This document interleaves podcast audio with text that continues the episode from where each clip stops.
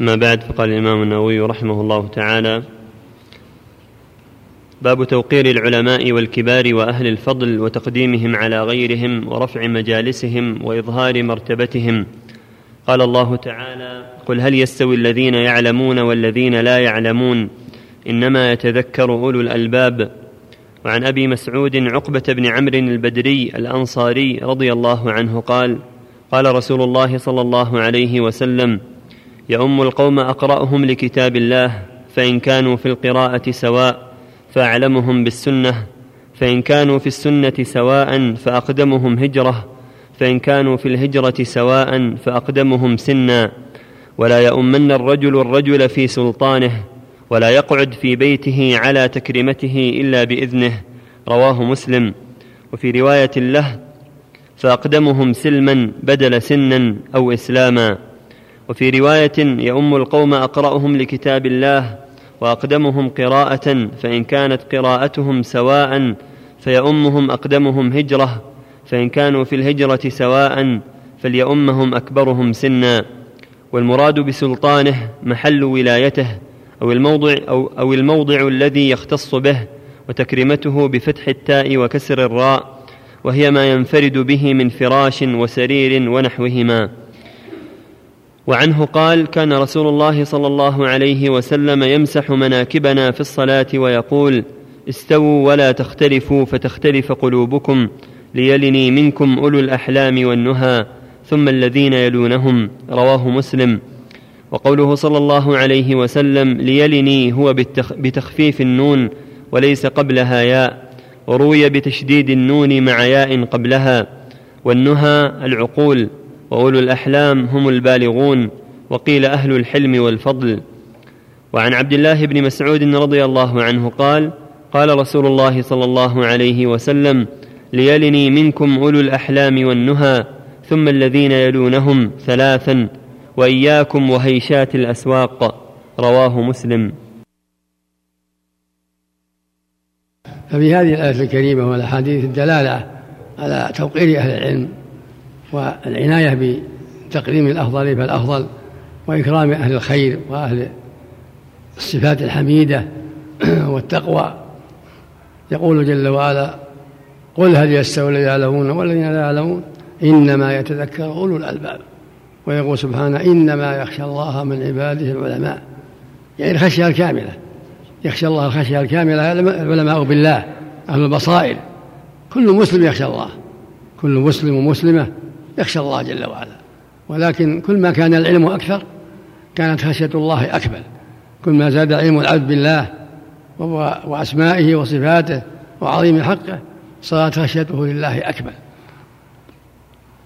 في الحديث يقول صلى الله عليه وسلم يؤم القوم أقرأهم من كتاب الله. يعني أعلمهم بالقرآن وأكثرهم قراءة. لأن القرآن كتاب الله فيه الهدى والنور. فأعلم الناس به هم أعلم الناس بحق الله. فإن كانوا في قراءة سواء فأعلمهم بالسنة. فإن كانوا في السنة فأقدمهم هجرة. فإن كانوا في هجرة سواء فأقدمهم سلما. وفي اللفظ الآخر سنا يعني أكبرهم سنا. هكذا الترتيب بالإمامة الفقهاء في دين الله العالمون بالقرآن هم مقدمون. ثم يليهم العلماء بالسنة. ثم أقدم الناس هجرة. ثم أكبرهم سنا. ولا يؤم الرجل في سلطانه في بيته ومحله يكون هو الإمام إلا أن يأذن ولا يجلس في تكريمته في محل خاص إلا بإذنه. هذا من آداب الشريعة. يقول صلى الله عليه وسلم يلي منكم أولو الأحلام والنهى ثم الذين يلونهم ثم الذين يلونهم. هذا فيه الحث على تقدم أهل العلم والفضل وكبر السن يتقدمون ويسارعون حتى يكونوا قدوة لغيرهم. الصلاة. يسارع الصف الأول خلف الإمام أهل العلم والفقه والبصيرة. ليكونوا قدوة لغيرهم. ثم الذين يلونهم ثم الذين يلونهم قال وإياكم وهشات الأسواق. يعني الصياح ورفع الأصوات في الأسواق كما يفعله كثير من الناس. الإنسان يقضي حاجته مع الأدب الشرعي في السوق. فالسنة للمؤمن المسارعة الخيرات والتقدم إلى الصف الأول كما جاء في الحديث الآخر في الحديث في الحديث الآخر أنه صلى الله عليه وسلم أمرهم بالتقدم إلى إلى الصلاة وأن يكبروا الصف الأول فالأول وما كان من نقص فليكن في الصف الآخر. ويقول تقدموا فأتموا بي وليأتم منهم بعدهم وليتم وليتم منهم من بعدهم ولا يزال الرجل يتأخر عن الصلاة حتى يؤخره الله هذا وعيد فالمشروع للمؤمن المسارعة إلى الصلاة والمسارعة إلى الصف الأول وأهل العلم والبصيرة وكبار السن أولى الناس بأن يتقدموا حتى يكونوا قدوة لغيرهم من الشباب وغير أهل العلم. نسأل الله للجميع التوفيق. نعم. نعم. وعن أبي يحيى وقيل أبي محمد سهل بن أبي حثمة بفتح الحاء المهملة وإسكان الثاء المثلثة الأنصاري رضي الله عنه قال انطلق عبد الله بن سهل ومحيصة بن مسعود إلى خيبر وهي يومئذ صلح فتفرقا فأتى محيصة إلى عبد الله بن سهل وهو يتشحط في دمه قتيلا فدفنه. ثم قدم المدينة فانطلق عبد الرحمن ثم قدم المدينة فانطلق عبد الرحمن بن سهل ومحيصة وحويصة بن مسعود إلى النبي صلى الله عليه وسلم. فذهب عبد الرحمن يتكلم فقال كبر كبر وهو أحدث القوم. فسكت فتكلما فقال أتحلفون وتستحقون قاتلكم؟ وذكر تمام الحديث متفق عليه. وقوله صلى الله عليه وسلم كبر كبر معناه يتكلم الأكبر. وعن جابر رضي الله عنه أن النبي صلى الله عليه وسلم كان يجمع بين الرجلين من قتلى أحد يعني في القبر ثم يقول أيهما أكثر أخذا للقرآن؟ فإذا أشير له إلى أحدهما قدمه في اللحد. رواه البخاري. وعن ابن عمر رضي الله عنهما أن النبي صلى الله عليه وسلم قال أراني في المنام أتسوك. أتسوك بسواك فجاءني رجلان أحدهما أكبر من الآخر فناولت السواك الأصغر فقيل لي كبر فدفعته إلى الأكبر منهما. رواه مسلم مسندا والبخاري تعليقا. وعن ابن عمر رضي الله عنهما أن النبي صلى الله عليه وسلم قال أراني في المنام أتسوك بسواك فجاءني رجلان أحدهما أكبر من الآخر فناولت السواك الأصغر فقيل لي كبر فدفعته إلى الأكبر منهما رواه مسلم مسندا والبخاري تعليقا. هذه الأحاديث الثلاثة كالتي قبلها في الحث على تقدير الناس تقديم الأفاضل من العلماء والأخيار وكبار السن في ما يتعلق بالإكرام والتقدير كل واحد يعرف له فضله ويعطى حقه من عالم وعابد وقريب ورحم. فينبغي للمؤمن أن ينزل الناس منازلهم وأن يلاحظ حقوقهم. ومن ذلك التكبير إذا كان شخصين أحدهما أكبر من الآخر فيبدأ بالأكبر في السلام في المصافحة في الهدية إلى غير ذلك. في الحديث الأول في قصة عبد الله بن سهل لما قتل في خيبر واختصم فيه الأنصار مع اليهود وأراد عبد الرحمن بن سهل يتكلم وكان أصر القوم فقال له أنه يكبر كبر هذا يفيد أنه إذا كان كانت الخصومة للجماعة فإنه يبدأ الأكبر بالكلام وهكذا في العكس في المقابل يبدأ الأكبر. وهكذا في قتل أحد لما صار يجمع الرجلين والثلاث في قبر واحد كان عليه الصلاة والسلام إذا قدم إليه الرجلان يقول أيهم أكثر أيهما أكثر أخذا للقرآن؟ فإذا أشاروا إلى إليه قدمه باللحد هذا يتعلق بالتكبير تقديم الأفقه والأعلم حتى في القبر إذا جمع. والموتى إذا كثروا جاز دفن الاثنين والثلاث في قبر واحد عند المشقة كما فعل الرسول يوم أحد عليه الصلاة والسلام. وهذا فيه تقدير حملة القرآن وأن أنهم قد حملوا شيئا يجب أن يكون له فيه التقدير والميزة لأن كتاب الله فيه الهدى والنور فحمله وحفظه من أسباب توفيق الله للعبد. فإذا حمله ابتغاء وجه الله واعتنى بحفظه والعمل به هذا طريق السعادة.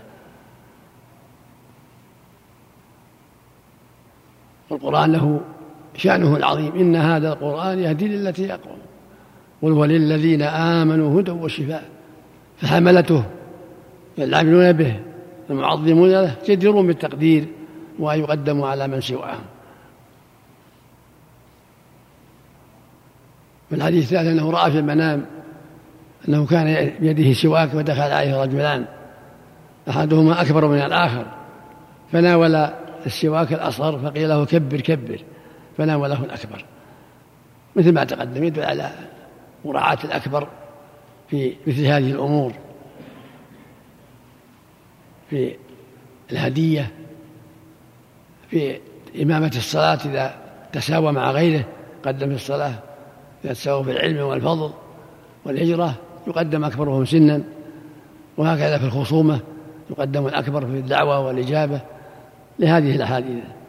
وفق الله الجميع عن أبي موسى رضي الله عنه قال قال رسول الله صلى الله عليه وسلم إن من إجلال الله تعالى إكرام ذي الشيبة المسلم وحامل القرآن غير الغالي فيه والجافي عنه وإكرام ذي السلطان المقسط. حديث حسن رواه أبو داود. وعن عمرو بن شعيب عن أبيه عن جده رضي الله عنهم قال قال رسول الله صلى الله عليه وسلم ليس منا من لم يرحم صغيرنا ويعرف شرف كبيرنا حديث صحيح رواه أبو داود والترمذي وقال الترمذي حديث حسن صحيح وفي رواية أبي داود حق كبيرنا. ميمون بن أبي شبيب رحمه الله أن عائشة رضي الله عنها مر بها سائل فأعطته كسرة ومر بها رجل عليه ثياب وهيئة فأقعدته فأكل فقيل لها في ذلك فقالت قال رسول الله صلى الله عليه وسلم أنزلوا الناس منازلهم رواه أبو داود لكن قال ميمون لم يدرك عائشة وقد ذكره مسلم في أول صحيحه تعليقا فقال وذكر عن عائشة رضي الله عنها قالت أمرنا رسول الله صلى الله عليه وسلم أن ننزل الناس منازلهم. وذكره الحاكم أبو عبد الله في كتابه معرفة علوم الحديث وقال هو حديث صحيح. هذه الأحاديث التي قبلها. في شرعية إكرام أهل الخير والأقارب والإحسان إليهم وإكرام العالم والقريب وذي الشيبة ورحمة الصغير كل هذه من من الأخلاق الإسلامية كما قال تعالى والمؤمنون والمؤمنات بعضهم أولياء بعض والولي يكرم وليه ويحسن إليه ويرحم فاقته وحاجته وشيبته إلى غير ذلك.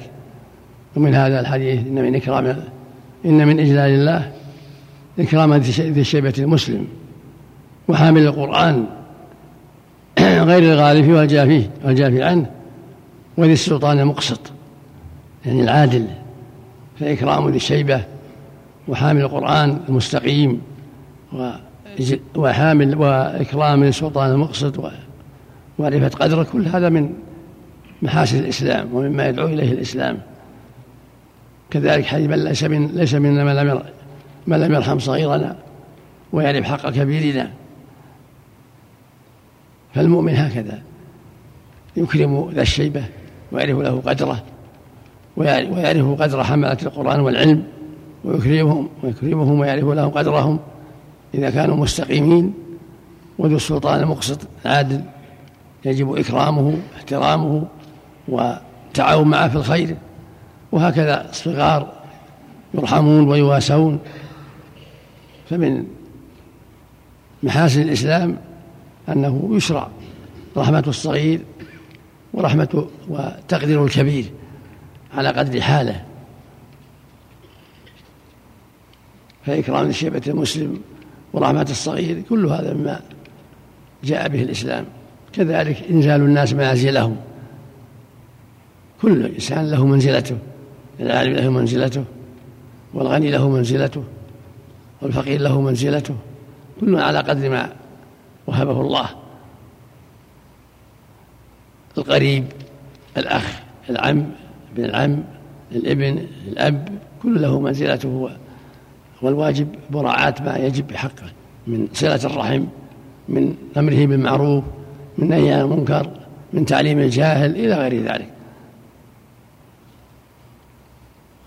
كل هذا من أخلاق الإسلام ومن محاسن الإسلام. فينبغي المؤمن أن يراعي ذلك وأن يوطئ نفسه على هذه الأخلاق الطيبة حتى يكون من أهل الخير والاستقامة والتابعين لسلف الأمة في أعمالهم الطيبة. وعن ابن عباس رضي الله عنهما قال قدم عيينة بن حصن فنزل على ابن أخيه الحر بن قيس وكان من النفر الذين يدنيهم عمر رضي الله عنه وكان القراء أصحاب مجلس عمر ومشاورته كهولا كانوا أو شبانا. فقال عيينة لابن أخيه يا ابن أخي لك وجه عند هذا الأمير فاستأذن لي عليه فاستأذن له.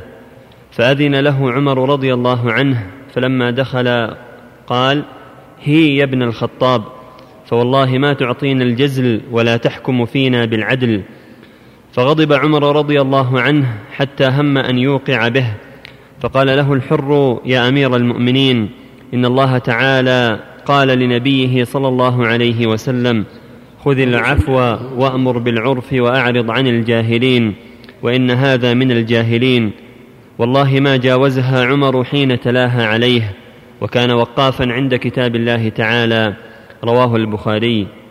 وعن أبي سعيد سمرة بن جندب رضي الله عنه قال لقد كنت على عهد رسول الله صلى الله عليه وسلم غلاما فكنت أحفظ عنه فما يمنعني من القول إلا أنها هنا رجالا هم أسن مني. متفق عليه. وعن انس رضي الله عنه قال قال رسول الله صلى الله عليه وسلم ما أكرم شاب شيخا لسنه. وعن, وعن انس. نعم. وعن انس رضي الله عنه قال قال رسول الله صلى الله عليه وسلم ما أكرم شاب شيخا لسنه إلا قيض الله إلا قيض الله له من يكرمه عند سنه. رواه الترمذي وقال حديث غريب. فهذه الأحاديث الثلاثة كالتي قبلها في بيان شرعية إكرام ذي المسلم ومراعاة الأقرباء والإحسان إليهم وأهل العلم والفضل. كان هذا من سنته صلى الله عليه وسلم إكرام أهل الفضل والخير والقراء واحترام ذي الشيبة وإكرامه. ومن هذا ما رواه ما جاء عن عمر من طريق الحر بن قيس من قصة عيينة بن حصن الفزاري. دخل عيينة عيينة بن حصن هذا شيخ فزارة من العرب فقدم على عمر وقال لابن أخيه الحر بن قيس استأذن لي على عمر. فاستأذن له الحر وكان عمر رضي الله عنه يريد القراء ويستشيرهم وهم أهل مجلسه. كهولا كانوا وشبانا هذا يدل على أن من الخصال الحميدة أن ينتخب السلطان في مشورته أهل العلم والفضل كما كان عمر رضي الله عنه.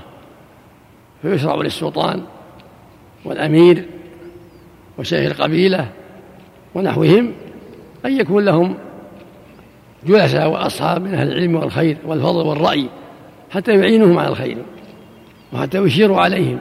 وهذا هو الشاهد من الحديث.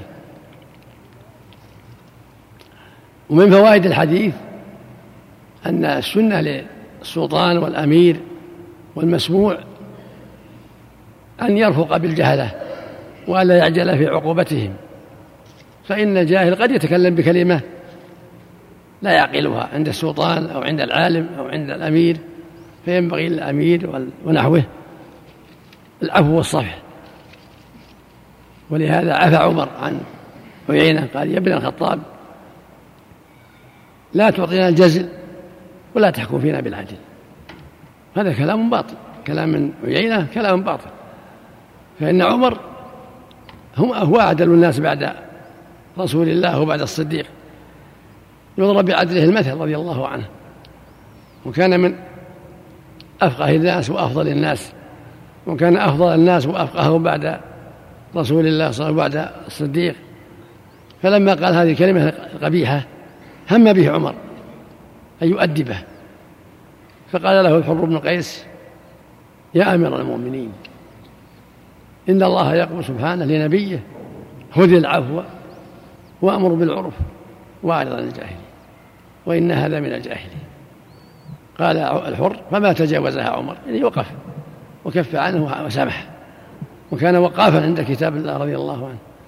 يعني كان يعمل بكتاب الله ويقف عند حدود الله رضي الله عنه.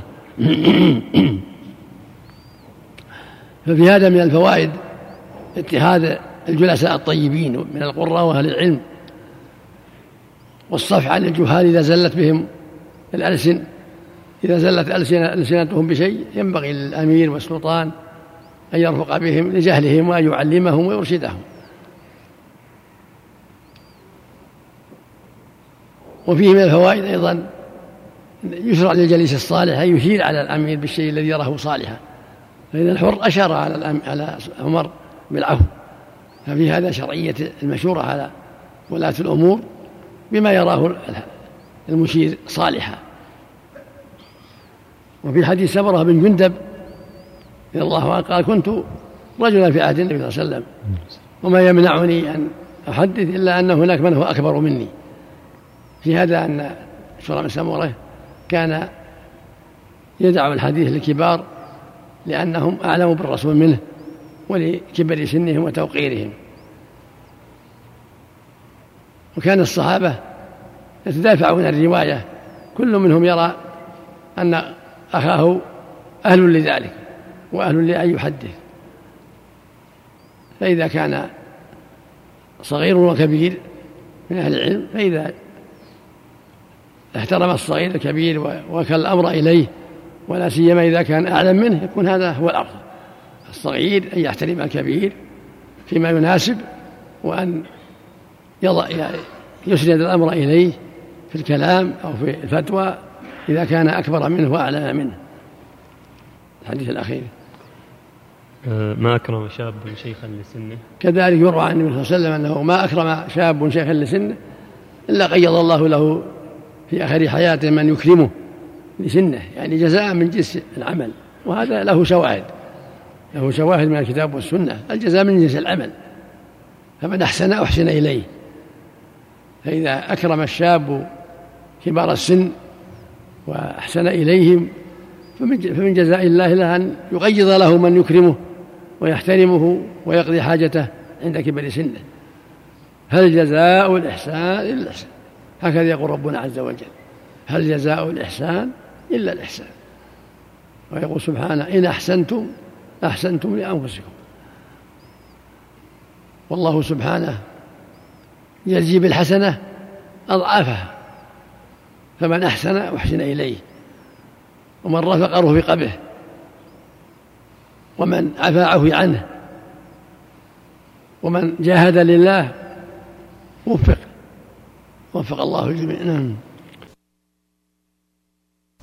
باب زيارة أهل الخير ومجالستهم وصحبتهم ومحبتهم وطلب زيارتهم والدعاء منهم وزيارة المواضع الفاضلة. قال الله تعالى وإذ قال موسى لفتاه لا أبرح حتى أبلغ مجمع البحرين أو أمضي حقبا.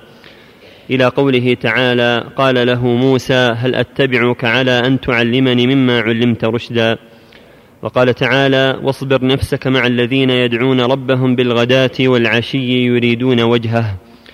وعن أنس رضي الله عنه قال قال أبو بكر لعمر رضي الله عنهما بعد وفاة رسول الله صلى الله عليه وسلم انطلق بنا إلى أم ايمن رضي الله عنها نزورها كما كان رسول الله صلى الله عليه وسلم يزورها. فلما انتهيا إليها بكت فقال لها ما يبكيك؟ أما تعلمين أن ما عند الله خير لرسول الله صلى الله عليه وسلم؟ فقالت إني لا أبكي أني لا أعلم أن ما, أن ما عند الله تعالى خير لرسول الله صلى الله عليه وسلم. ولكن أبكي أن الوحي قد انقطع من السماء فهيجتهما على البكاء فجعلا يبكيان معها. رواه مسلم. وعن أبي هريرة رضي الله عنه عن النبي صلى الله عليه وسلم أن رجلا زار أخا له في قرية أخرى فأرصد الله تعالى على مدرجته ملكا فلما أتى عليه قال أين تريد؟ قال أريد أخا لي في هذه القرية. قال هل لك عليه من نعمة تربها عليه؟ قال لا غير أني أحببته في الله تعالى. قال فإني رسول الله إليك بأن الله قد أحبك كما أحببته فيه. رواه مسلم. يقال أرصده لكذا إذا وكله بحفظه. والمدرجة بفتح الميم والراء الطريق ومعنى تربها تقوم بها وتسعى في صلاحها. وعنه قال قال رسول الله صلى الله عليه وسلم من عاد مريضا أو زار اخا له في الله ناداه مناد بأن طبت وطاب ممشاك وتبوأت من الجنة منزلا. رواه الترمذي وقال حديث حسن وفي بعض النسخ غريب. هذه الأحاديث مع الآيات الكريمات فيها الدلالة على شرعية زيارة الإخوان في الله والعلماء وأهل الصلاح والأقرباء رجاء ما عند الله من المثوبة وللتعاون على البر والتقوى والتواصي بالحق والتفقه في الدين. هكذا كان أهل العلم كان هكذا كان الأخيار يتزاورون في المحبة في الله وفي طلب العلم وفي تذكير بالله عز وجل وفي مكافأة ما فعلوا من إحسان إلى غير هذا من وجوه الخير. يقول الله جل وعلا في قصة موسى لما خطب ذات يوم موسى في الناس فسئل هل هل في الأرض أحد أعلم منك؟ فقال لا. فأوحى الله إليه بلى عبدنا خضر. فطلب السبيل إليه فأمره جل وعلا أن يرتحل إليه فارتحل إليه لطلب العلم والتفقه في الدين. وهو نبي من الأنبياء رسول من رسول الله والخضر على الصحيح نبي أيضا. قال هل أتبعك على أن تعلمني مما علمت رشدا. فإذا كان الأنبياء الرسل يزور بعضهم بعضا لمزيد العلم والفائدة فكيف بغيرهم؟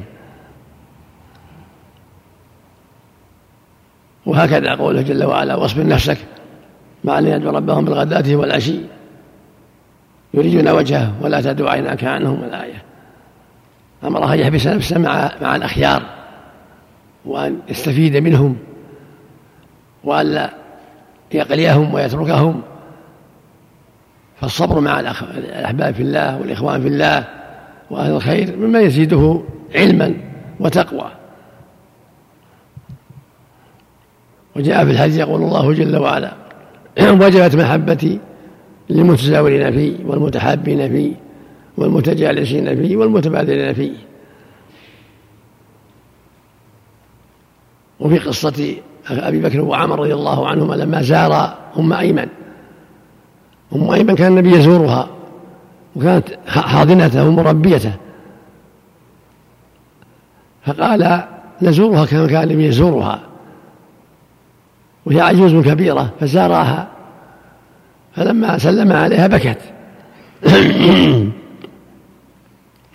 فقال لها ألا تعلمين أن ما عند الله خير من رسول الله؟ قالت إني لا لا أبكي من أجل هذا. أنا أعلم أن ما عند الله خير ولكني أبكي. من أجل انقطاع الوحي. كان الوحي يأتينا صباح ومساء بالأوامر والنواهي وانقطع. هيجته مع هيجته مع هيجتهما على بكاء رضي الله عنهما.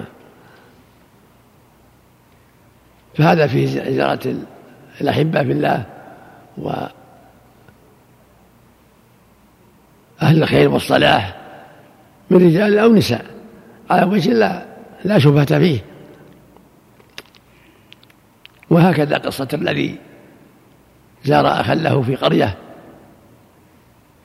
فأرسل الله على طريقه ملكا فلما مر عليه سأله إلى أين تريد؟ قال إلى أخ لي في الله في الله أزوره. قال قال لك من نعمة ربه عليه؟ قال لا ولكني أحبه في الله. قال إني رسول الله إليك أن الله قد أحبك ما أحببته. هذا فيه دلالة على فضل التزاور في الله والمحبة في الله. الحديث الصحيح يقول النبي صلى الله عليه وسلم سبعة يظلهم الله في ظله يوم لا ظل إلا ظله. ظل من ذكر منهم رجلين تحابا في الله اجتمع على ذلك وتفرق عليه متفق على صحته. كذا حديث الترمذي من عاد آخا له في الله من عاد مريضا أو زار آخا له في الله ينادي منادي من طبت وطال مشاك وتبوأت من الجنة منزلا. في الحديث سناده بعض الضعف لكن له شواهد له شواهد في الخير فالمقصود أن التزاور في الله والتحاب في الله من أفضل القربات مع الأقارب ومع غيرهم ومع العلماء ومع غيرهم من الخير. وفيه فوائد كثيرة. ومصالح يتذاكر في الله يفيد أحدهما الآخر. يشجعان على هذا العمل الطيب. ففيه ففي التزاور مصالح كثيرة. قد ثبت الرسول أنه قال لجبريل عليه الصلاة والسلام ألا تزورنا؟ أكثر مما تزورونه. فنزلت قول فنزل قوله تعالى وما نتنزل إلا بأمر ربك. له ما بين أيدينا وما خلفنا وما بين ذلك وما كان ربك نسيا. وفق الله الجميع. نعم. وعن أبي موسى الأشعري رضي الله عنه أن النبي صلى الله عليه وسلم قال إنما مثل الجليس الصالح وجليس السوء كحامل المسك ونافخ الكير. فحامل المسك إما أن يحذيك وإما أن تبتاع منه وإما أن تجد منه ريحا طيبة. ونافخ الكير إما أن يحرق ثيابك وإما أن تجد منه ريحا منتنة. متفق عليه. ويحذيك يعطيك.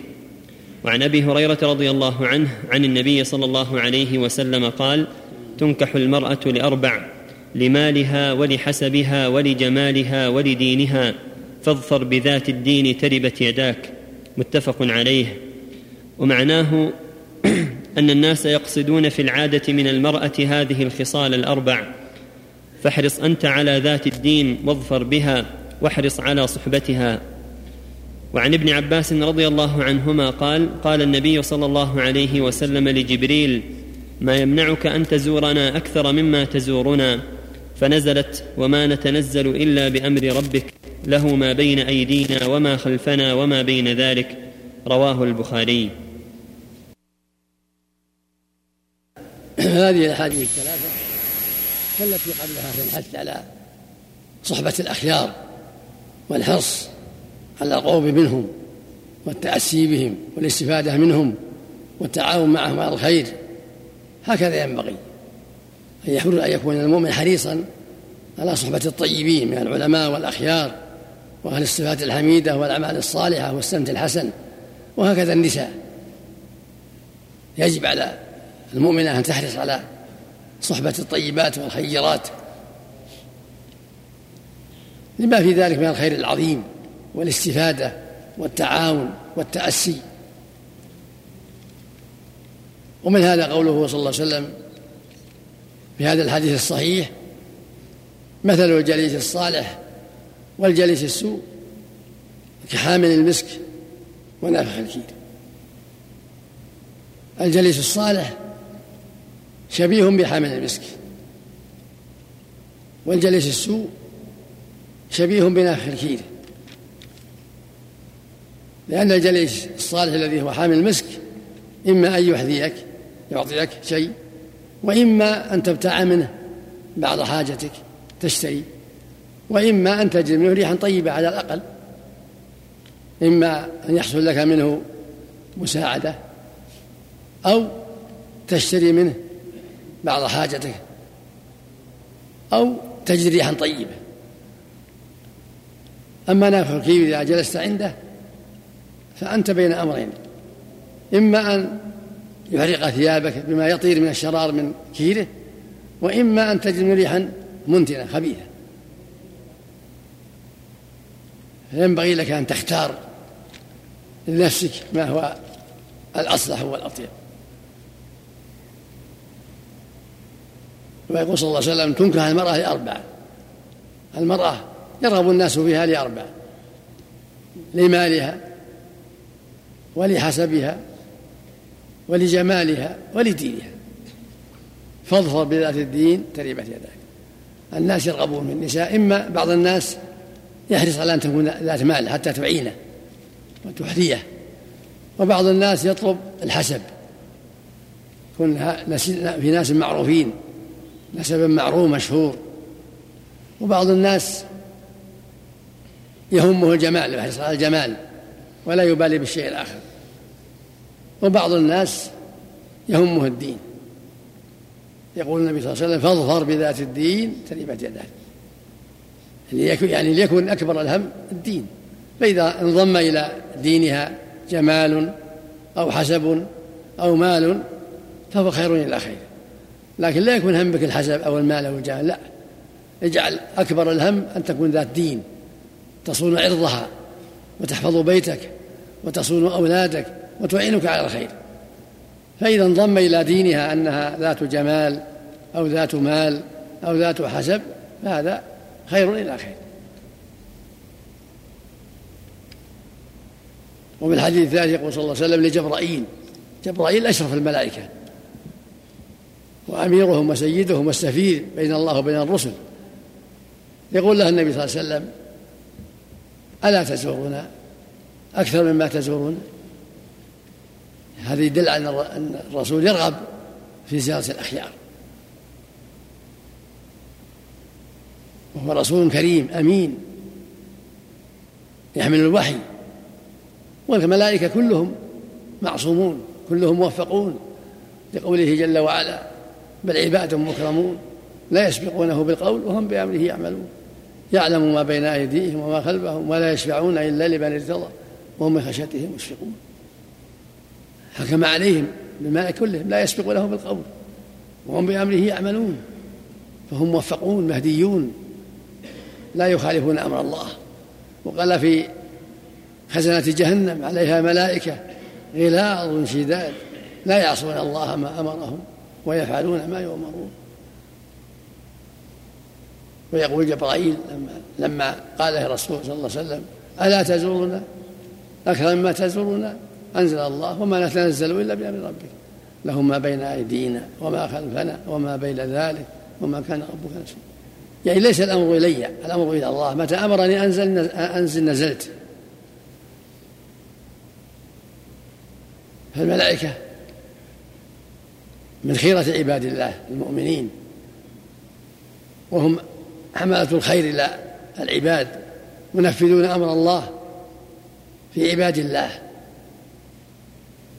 ما جبرائيل للوحي ميكائيل للقطر المطر إسرافيل لهم في الصور فيهم خزنة الجنة وفيهم خزنة النار وفيهم المنفذون لأمر الله في كل شيء.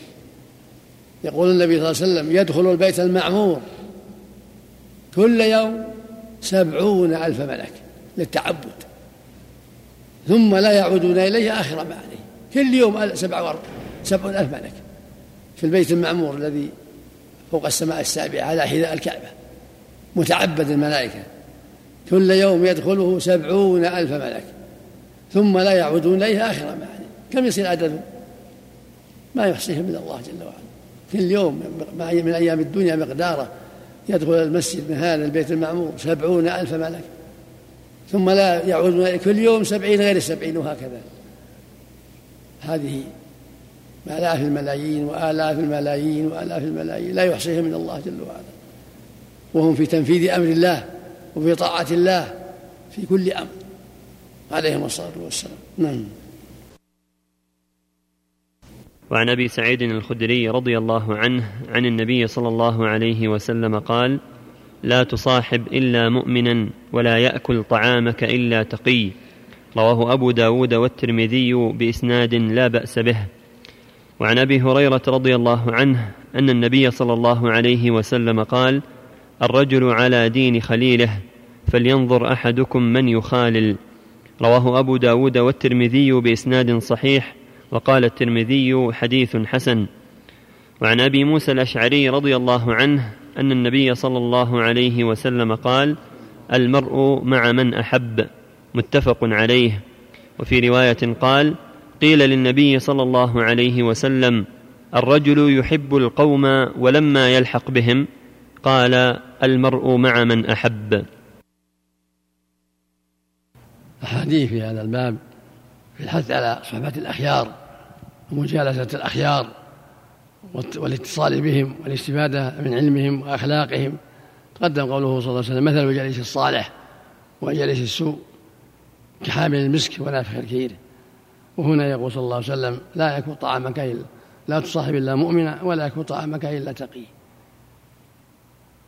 يعني أنك تتحرى في الأصحاب الأخيار أهل الإيمان.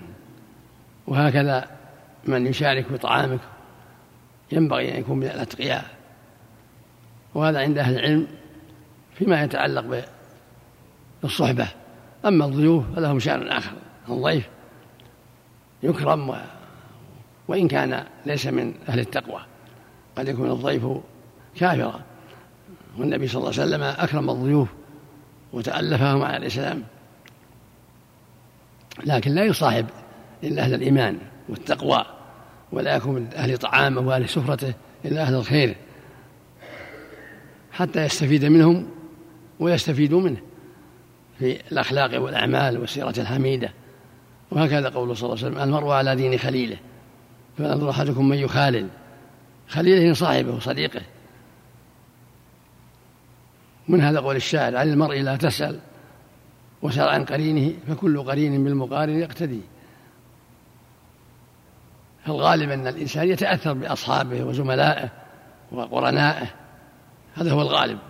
فينبغي أن يتخذ الأقران الطيبين وأصحاب الطيبين حتى يستفيد من علمهم وأخلاقهم الطيبة.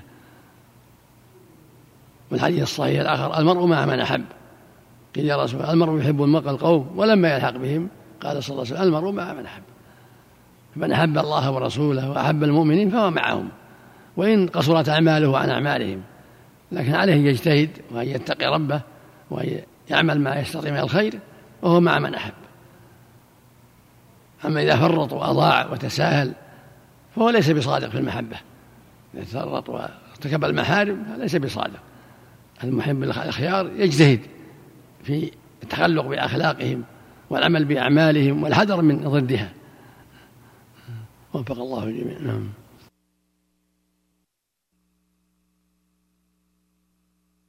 قال الإمام النووي رحمه الله تعالى وعن أنس رضي الله عنه أن أعرابيا قال لرسول الله صلى الله عليه وسلم متى الساعة؟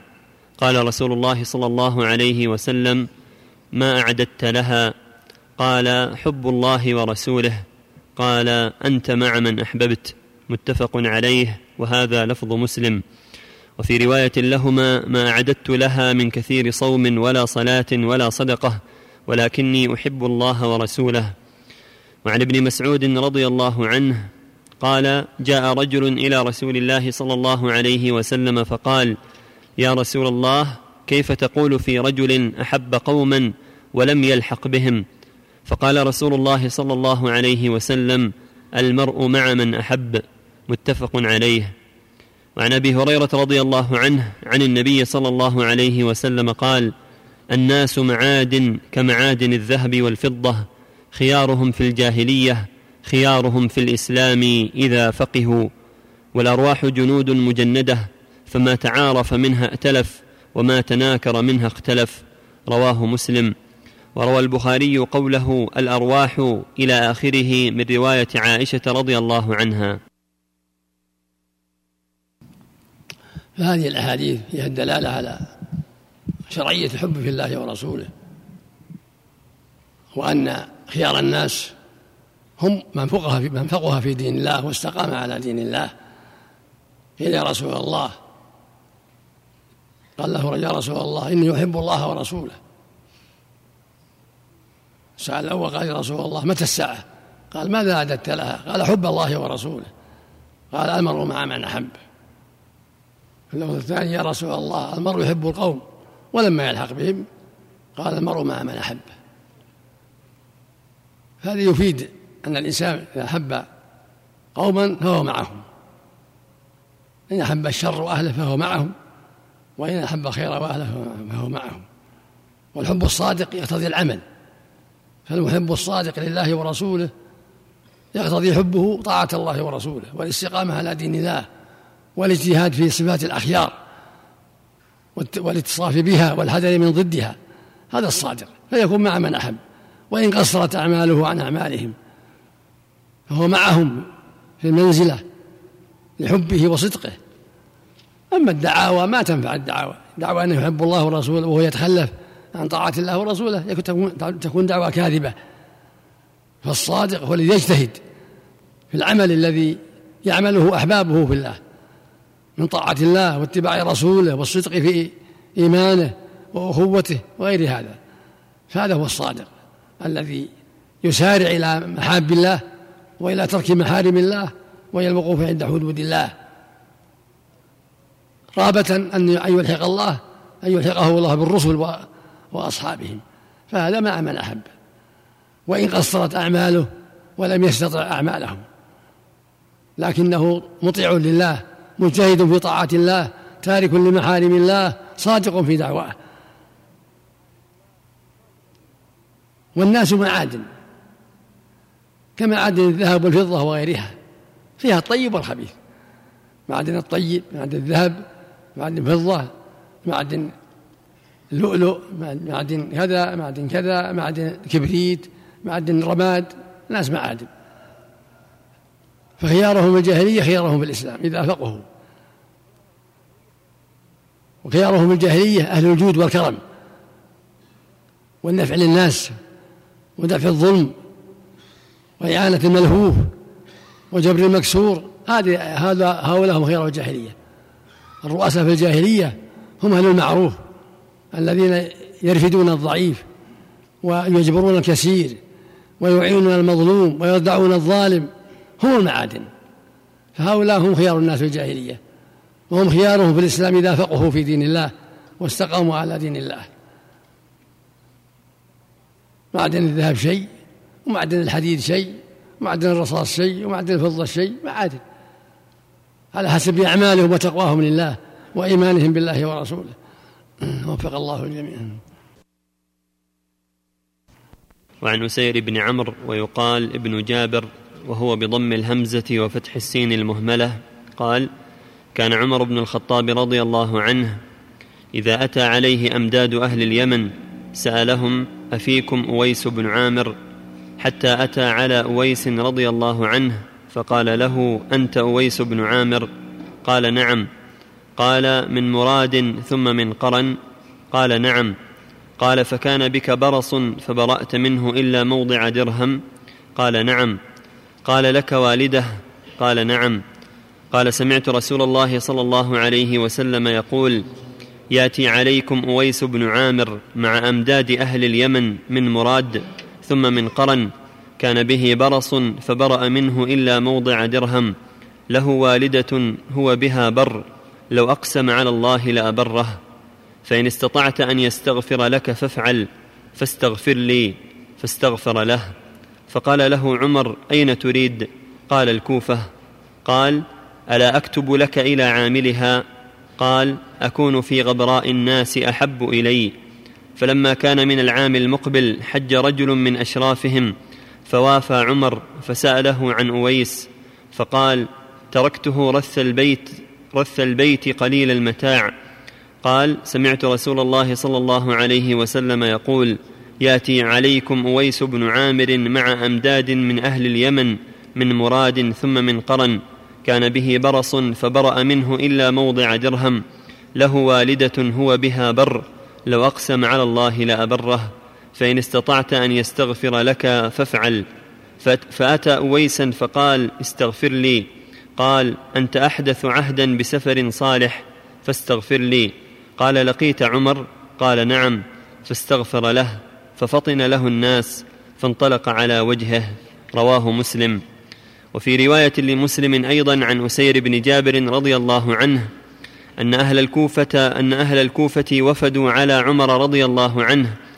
وفيهم رجل ممن كان يسخر بأويس فقال عمر هل ها هنا أحد من القرنيين؟ فجاء ذلك الرجل فقال عمر إن رسول الله صلى الله عليه وسلم قد قال إن رجلا يأتيكم من اليمن يقال له أويس لا يدع باليمن غير أم له قد كان به بياض. لا يدع باليمن غير أم له قد كان به في اليمن نظيرا له. غير أم له. غير أم له. نعم.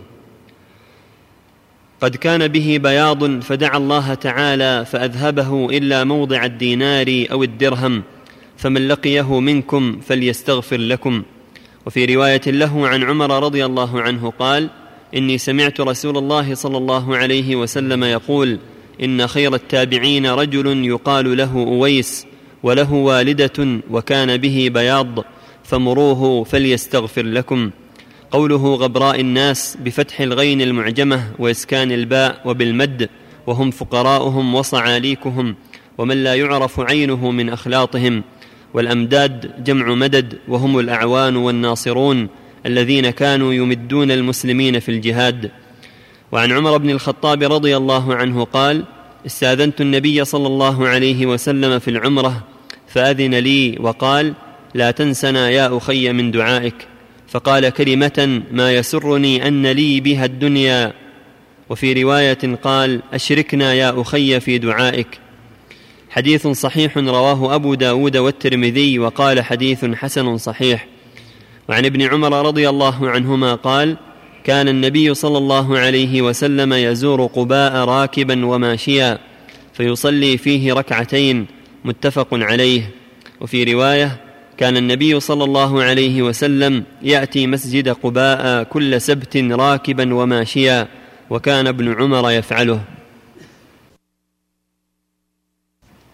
بسم الله الرحمن الرحيم الحمد لله رب العالمين.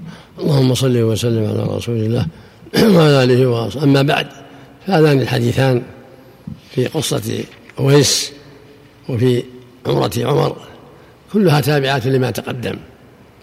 من استحباب طلب الدعاء من أهل الخير والصلاح لعله يستجاب وأن قول الإنسان لأخيه أخي استغفر لي إنه لا بأس بذلك. ولا سيما إذا كان يرجو قبول دعائه لعلمه وفضله وعبادته واستقامته ونحو ذلك. والحديث في قصة أويس مشهور صحيح وهو أنه كان برا بأمة في يمن وكان من مراد ثم من قبيلة من قبيلة قرن بفتح الراء يقال لهم القرنيون. وهو منهم وكان برا بأمة وقد أصابه برص فدعا الله فعافاه من ذلك إلا موضع درهم. ولعل الحكمة في ذلك والله أعلم أن موضع الدرهم يذكر بهذه بهذا البلاء. فيوجب شكر الله والثناء عليه وحمده سبحانه. كل ما رأى هذه النقطة تذكر نعمة الله عليه الذي عافاه من هذا البلاء. وفيه فضل بر الأمهات وأن بر الأم من أفضل القربات. والله يقول جل وعلا في كتابه العظيم وقضى ربك ألا تعبدوا إلا إياه بالوالدين إحسانا. ويقول ووصى الإنسان بوالديه حسان حملت أمه كرها ووضعته كرها. ويقول صلى الله عليه وسلم في وصيته أن الله حرم عليكم عقوق الأمهات خصهن بالذكر ووصى بالإحسان إليهن وأنه من باب من الجنة فإن فألزمه أو ضيعه. الحديث الصحيح يقول صلى الله عليه وسلم ألا أنبئكم بأكبر الكبائر. قلنا بلى يا رسول الله. قال الإشراك بالله وعقول الوالدين. وهما الأب والأم. فبر الأم والأب من أهم المهمات وحق الأم أكبر. قال النبي صلى الله عليه وسلم لما قال الرجل يا رسول من أبر؟ قال أمك. قال ثم من؟ قال أمك. قال ثم من؟ قال أمك. قال ثم من؟ قال أباك. ثم الأقرب فالأقرب. واللفظ الآخر قال يا رسول الله من أحق الناس بحسن صحبتي؟ قال أمك. قال ثم من قال أمك. قال ثم من قال أمك. قال ثم من قال أبوك. وهذا الرجل كان برا بها ولم يخالف في اليمن سواها.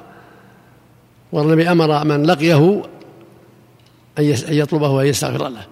وقد جاء في أمداد اليمن. وأمداد اليمن المجاهدون الذين جاءوا من اليمن للمشاركة في الجهاد. فلما سأله عمر وأخبره قال استغفر لي. فلما عرفه الناس في العراق اختفى صلى في قبر الناس واختفى لئلا يفتن الناس به أو يفتن بالناس. وفي حديث عمر أنه أراد العمرة في عهد النبي صلى الله عليه وسلم فقال لا تنسنا يا أخي من دعائك.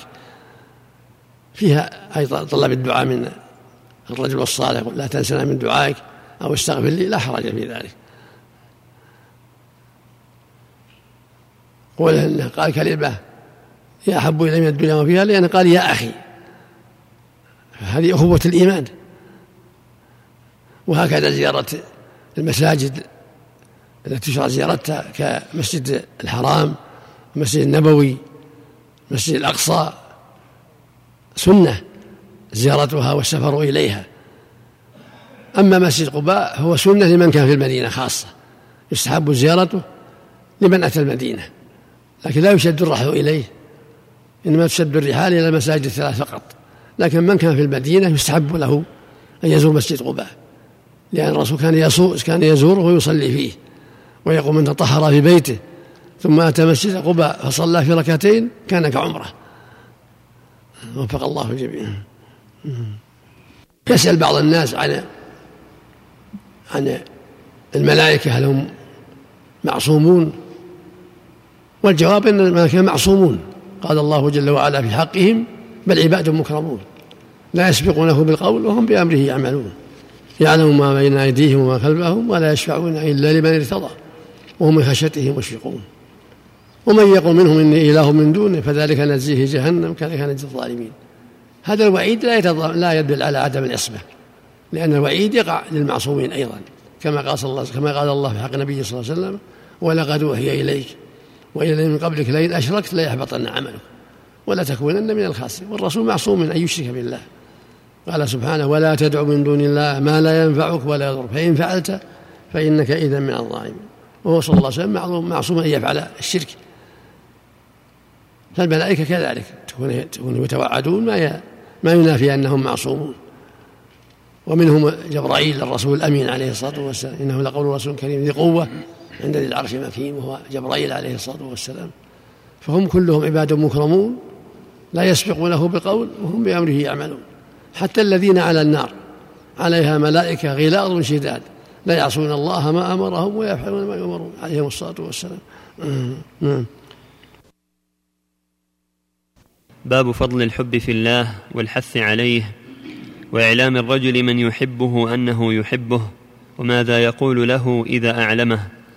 قال الله تعالى محمد رسول الله والذين معه أشداء على الكفار رحماء بينهم. إلى آخر السورة وقال تعالى والذين تبوأوا الدار والإيمان من قبلهم يحبون من هاجر إليهم. وعن أنس رضي الله عنه عن النبي صلى الله عليه وسلم قال ثلاث من كن فيه وجد بهن حلاوة الإيمان. أن يكون الله ورسوله أحب إليه مما سواهما وأن يحب المرء لا يحبه إلا لله وأن يكره أن يعود في الكفر بعد, بعد أن أنقذه الله منه كما يكره أن يقذف في النار متفق عليه.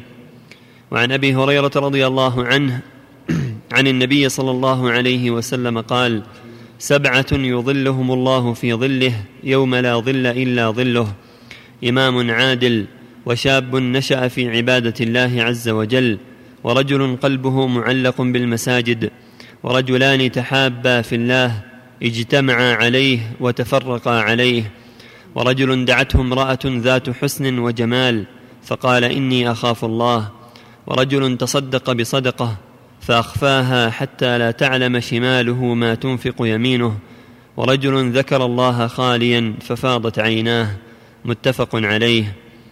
وعنه قال قال رسول الله صلى الله عليه وسلم إن الله تعالى يقول يوم القيامة أين المتحابون بجلالي؟ اليوم أظلهم في ظلي يوم لا ظل إلا ظلي. رواه مسلم. بسم الله الرحمن الرحيم. الحمد لله وصلى الله وسلم على رسول الله وعلى آله وأصحابه ومن اهتدى بهداه. أما بعد فهذه الآيات والأحاديث في فضل المحبة في الله. الحب في الله والبغض في الله من أهم خصال الإيمان ومن أوثق اروع الإيمان. بل هي أوثق اروع الإيمان الحب في الله والبغض في الله. وهذا وصف المؤمنين يتحابون في الله ويتعاونون على البر والتقوى ويتواصون بالحق.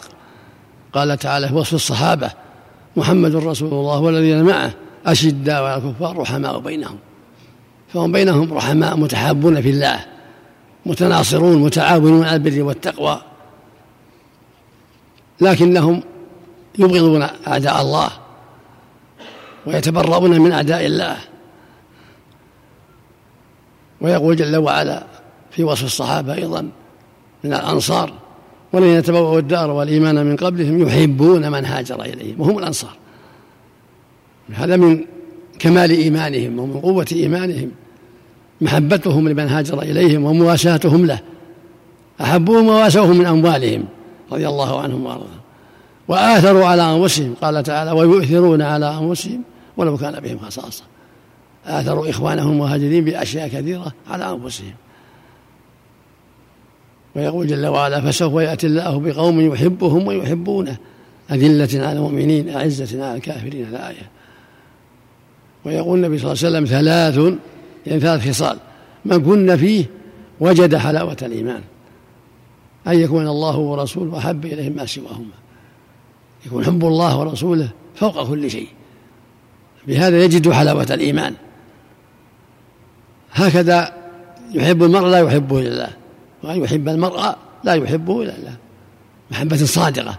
مو من أجل النسب أو المال أو الجوار بل محبة صادقة لله. لكونه من أولياء الله لكونه من أباب من أحباب الله لكونه من المسلمين الصالحين.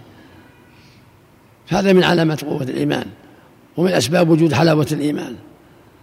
والثالثة كون يكره الكفر وأن يقع في الكفر مثل ما يكره أن يقرأ في النار. من شدة بغضه الكفر وبعده منه يكره أن يقع في الكفر كما يكره أن يقع في النار. من شدة بغضه الكفر وعلمه بأنه ضد الإيمان ضد الهدى. وأن الله يبغض ذلك.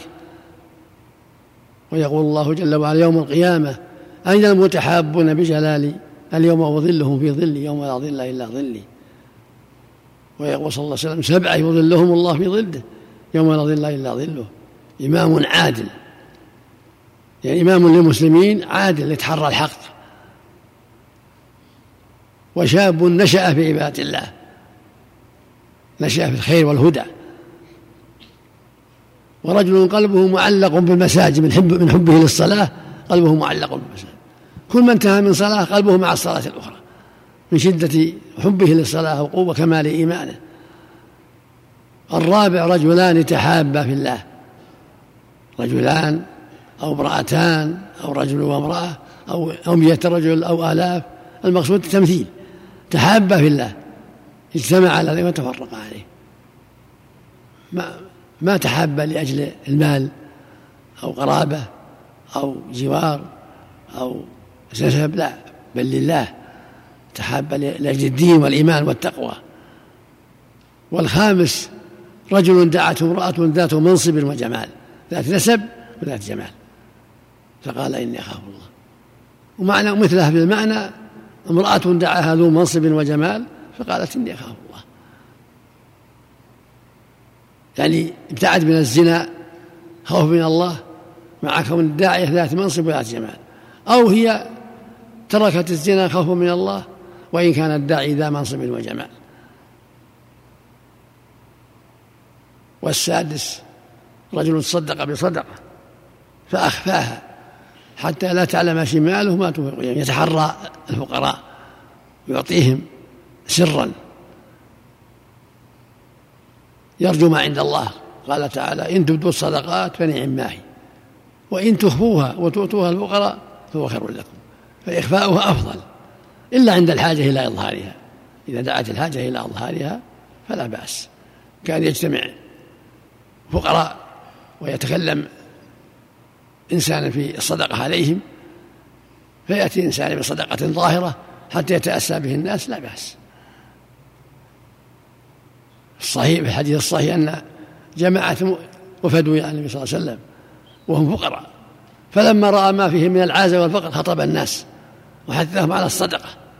فجاء رجل بصرة كادت كفه تعجز عنها. فلما رآه الناس تتابعوا في الصدقة عليهم. فقال النبي صلى الله عليه وسلم من سن في الإسلام سنة حسنة كان له أجرها الحديث. لأن جاء بها ظاهرة للمصلحة. فتأسى به الناس وجاءوا بصدقاتهم فإذا كان إعلان الصدقة يجر إلى خير وينشط الحاضرين فلا بأس وإلا فالسر أفضل. والسابعة الخصلة السابعة رجل ذكر الله خاليا ففاضت عيناه. يعني ما عنده حل في بيته أو في السفر أو في أي مكان ذكر الله وذكر عظمته ففاضت عيناه خوفا من الله بكى فهو من السبعة الذين يظلهم الله في ظله يوم لا ظل إلا وفقنا الله وإياكم لأنه وإياكم من عباده الصالحين. لا حول ولا قوة إلا بالله. وعن أبي هريرة رضي الله عنه قال قال رسول الله صلى الله عليه وسلم والذي نفسي بيده لا تدخلوا الجنة حتى تؤمنوا ولا تؤمنوا حتى تحابوا. أولا أدلكم على شيء إذا فعلتموه تحاببتم؟ أفشوا السلام بينكم. رواه مسلم. وعنه عن النبي صلى الله عليه وسلم أن رجلا زار اخا له في قرية أخرى فأرصد, فأرصد الله له على مدرجته ملكا وذكر الحديث إلى قوله إن الله قد أحبك كما أحببته فيه. رواه مسلم. وقد سبق بالباب قبله. وعن البراء بن عازب رضي الله عنهما عن النبي صلى الله عليه وسلم أنه قال في الأنصار لا يحبهم إلا مؤمن ولا يبغضهم إلا منافق من أحبهم أحبه الله ومن أبغضهم أبغضه الله متفق عليه. بسم الله الرحمن الرحيم. الحمد لله وصلى الله وسلم على رسول الله وعلى آله وأصحابه ومن اهتدى به أما بعد فهذه الأحاديث كالتي قبلها في الحث على الحب في الله وأن من واجبات الإيمان الحب في الله والبغض في الله. فالواجب على أهل الإيمان أن يتحابوا في الله وأن يتعاونوا على البر والتقوى وأن يتواصوا بالحق والصبر عليه. هذا مقتضى الإيمان. سبق قوله صلى الله عليه وسلم سبعة يظلهم الله في ظله يوم لا ظل إلا ظله. ذكر منه رجل فيتحابا في الله. اجتمع على ذلك وتفرق عليه. تقدم قوله صلى الله عليه وسلم يقول الله يوم القيامة أين المتحابون بجلالي اليوم أظلهم في ظله يوم لا ظل إلا أخرجه البخاري رحمه الله. وفي هذا يقول صلى الله عليه وسلم والذي نفسي بيده لا تدخلون الجنة حتى تؤمنوا ولا تؤمنوا حتى تحابوا. أولا أدلكم على شيء؟ إذا فعلتموه تحاببتم أفشوا السلام بينكم. هذا يدل على أن المحبة في الله من واجبات الإيمان. وأن عدمها نقص في الإيمان لا تؤمنوا حتى تحابوا. مثل لا يؤمن أحدكم حتى يحب يحب, يحب لأخيه ما يحب نفسه. فلا بد من الإيمان ولا بد من التحاب في الله وهو من واجبات الإيمان. كونه يحب أخاه في الله ويبغض من خرج عن دين الله بالله في الحديث الصحيح الآخر أن رجلا زار أخا له في قرية. فأرصد الله على طريقه ملكا. فلا يعني في صورة رجل. فلما مر عليه سأله أين تذهب؟ قال إلى قرية كذا أزور فيها فلانا. قال هل لك من نعمة ربها عليه؟ قال لا إلا أني أحبه في الله. يعني ما بينه وبينه نعمة أجازي عليها لكن لكنها محبة في الله. فقال له الملك إني رسول الله إليك أن الله أحبك كما أحببته فيه هذا حديث عظيم. والحديث الآخر رواه مالك وغيره بإسناد صحيح. يقول الله جل وعلا وجبت محبتي للمتحابين فيه والمتبادلين فيه والمتزاورين فيه والمتجالسين فيه. هذا كله في الحب في الله جل وعلا. الحديث الأخير. الحديث الأخير. كذلك حديث الأنصار يقول صلى الله عليه وسلم حب الأنصار إيمان وبغضهم نفاق لا يحبهم إلا مؤمن ولا يبغضهم إلا منافق. هذا يدل على وجوب محبة الأنصار لأنه نصروا دين الله. وساعدوا رسول الله عليه الصلاة والسلام وآووه. فوجب حبهم في الله. فلا يحبهم إلا مؤمن ولا يبغضهم إلا منافق رضي الله عنهم. هم أنصار دين الله. كما قال فيهم جل وعلا والسابقون الأولون من المهاجرين والأنصار والذين اتبعهم بإحسان رضي الله عنهم ورضوا عنه. وأعد لهم جنات تجري تحتها الأنهار خالدين فيها أبدا. ذلك الفوز العظيم. قال فيهم جل وعلا ولن يتبوأوا الدار والإيمان من قبلهم يحبون من هاجر إليهم ولا يجد في صدورهم حاجة مما أوتوا ويؤثرون على أنفسهم ولو كان بهم خصاصة رضي الله عنهم. فالواجب حبهم في الله لأنهم نصروا دين الله ونصروا رسوله وبغضوا من أبغضهم. وفق الله الجميع وعن معاذ رضي الله عنه قال سمعت رسول الله صلى الله عليه وسلم يقول قال الله عز وجل المتحابون في جلالي لهم منابر من نور يغبطهم النبيون والشهداء. رواه الترمذي وقال حديث حسن صحيح. وعن أبي إدريس الخولاني رحمه الله قال دخلت مسجد دمشق فإذا فتى براق الثنايا وإذا الناس معه فإذا اختلفوا في شيء أسندوه إليه وصدروا عن رأيه فسألت عنه فقيل هذا معاذ بن جبل رضي الله عنه. فلما كان من الغد وعن معاذ رضي الله عنه قال سمعت رسول الله صلى الله عليه وسلم يقول قال الله عز وجل المتحابون في جلالي لهم منابر من نور يغبطهم النبيون والشهداء. رواه الترمذي وقال حديث حسن صحيح. وعن أبي إدريس الخولاني رحمه الله قال دخلت مسجد دمشق فإذا فتى براق الثنايا وإذا الناس معه فإذا اختلفوا في شيء أسندوه إليه وصدروا عن رأيه فسألت عنه فقيل هذا معاذ بن جبل رضي الله عنه. فلما كان من الغد هجرت فوجدته قد سبقني بالتهجير. ووجدته يصلي فانتظرته حتى قضى, قضى صلاته ثم جئته من قبل وجهه فسلمت عليه ثم قلت والله إني لأحبك لله فقال آل الله فقلت آل الله فقال نعم. آل الله نعم. فقلت آل الله. فقال آل الله فقلت آل الله. فأخذني بحبوة ردائي فجبذني إليه فقال أبشر فإني سمعت رسول الله صلى الله عليه وسلم يقول قال الله تعالى وجبت محبتي للمتحابين فيا والمتجالسين فيا والمتزاورين فيا والمتباذلين فيا. حديث صحيح رواه مالك في الموطأ بإسناده الصحيح. قوله هجرت أي بكرت.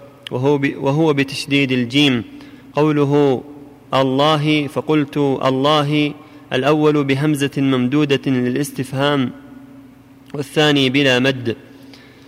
وعن أبي كريمة المقداد بن معد يكرب رضي الله عنه عن النبي صلى الله عليه وسلم قال إذا أحب الرجل أخاه فليخبره أنه يحبه رواه أبو داود والترمذي وقال حديث حسن. بسم الله الرحمن الرحيم. الحمد لله وصلى الله وسلم على رسول الله وعلى آله وصحبه. أما بعد هذه الأحاديث الثلاثه تتعلق بالحب في الله. تقدمت أحاديث في ذلك وأن المحبة في الله من أفضل القربات ومن أعظم الطاعات. قدم قوله صلى الله عليه وسلم سبعة يظلهم الله في ظله يوم لا ظل إلا ظله. ذكر منهم رجلين يتحابا في الله. اجتمع على ذلك وتفرق عليه متفق على صحته. تقدم قوله صلى الله عليه وسلم يقول الله يوم القيامة أين المتحابون بجلالي اليوم أظلهم في ظلي يوم لا ظل إلا ظلي. حديث الرجل الذي ذهب إلى أخيه في قرية فأرسل الله على طريقه ملكا فسأله أين تريد؟ قال أريد فلانا. قال هل لك من نعمة ربها؟ علي قال لا إلا أني أحبه بالله. فقال إني رسول الله إليك أن الله يحبك ما أحببته وبهذا يقول صلى الله عليه وسلم المتحابون في الله في جلال الله على منابر من نور يغبطهم النبيون والشهداء. كما قال في الحديث الآخر المقسطون على منابر من نور عن يمين الرحمن وهم أهل العدل والاستقامة. وهكذا المتحابون في الله. لأنهم من أهل العدل والاستقامة. تحابهم في الله دليل على استقامتهم على دين الله. وهكذا حديث معاذ. يقول صلى الله عليه وسلم يقول الله جل وعلا وجبت محبتي للمتحابين في والمتبادلين في والمتجالسين في والمتزاورين في. يعني أعمالهم لله تجالسهم وتزاورهم وجميع أمورهم كلها لله سبحانه وتعالى بذلهم وعطاؤهم ومجالستهم وتزاورهم لله وفي الله جل وعلا. وذلك لدليل دليل على صدق المحبة لله وصدق الإخلاص لله. هذه الذات يقول صلى الله عليه وسلم إذا أحب أحدكم أخاه فليخبره أنه يحبه. يقول له إني أحبك في الله. كما قال أبو, أبو إدريس بن معاذ إني أحبك في الله. ويقول المقال له أحبك الله الذي أحببتنا ويقول المقال له أحبك الله الذي أحببتني له. أما في حديث معاذ آه الله يا الله صاب بمد. ليس كما قال المؤلف. المد فيهما جميعا. حلف. يقول له معاذ آه الله يعني والله إنك صادق؟ فيقول آه الله يكررها. يعني والله إنك صادق؟ فقال الجواب نعم الله إنك صادق. كلها بمد الهمزة. آه الله يا الله. وهذا أحد الحروف. أحد الحروف التي حلف بها الهمزة. والثانية الباء. والثالثة التاء. والرابعة الواو. يقال والله وبالله وتالله وآه الله. أثابكم الله. يقول ما هي شروط المحبة في الله؟ وما هي ضوابطها؟ وماذا يجب على الأخ إذا كان يحب أخاه؟ التحاب بالله على على ظاهرها. إذا كان يحبه لأجل عمله الصالح. هذه شروطها. محبته لله لأجل عمله الصالح وتقواه لله. مهم لأجل الدنيا أو القرابة أو المجاورة يحبه لله لأعماله الطيبة واستقامته على دين الله. Mm.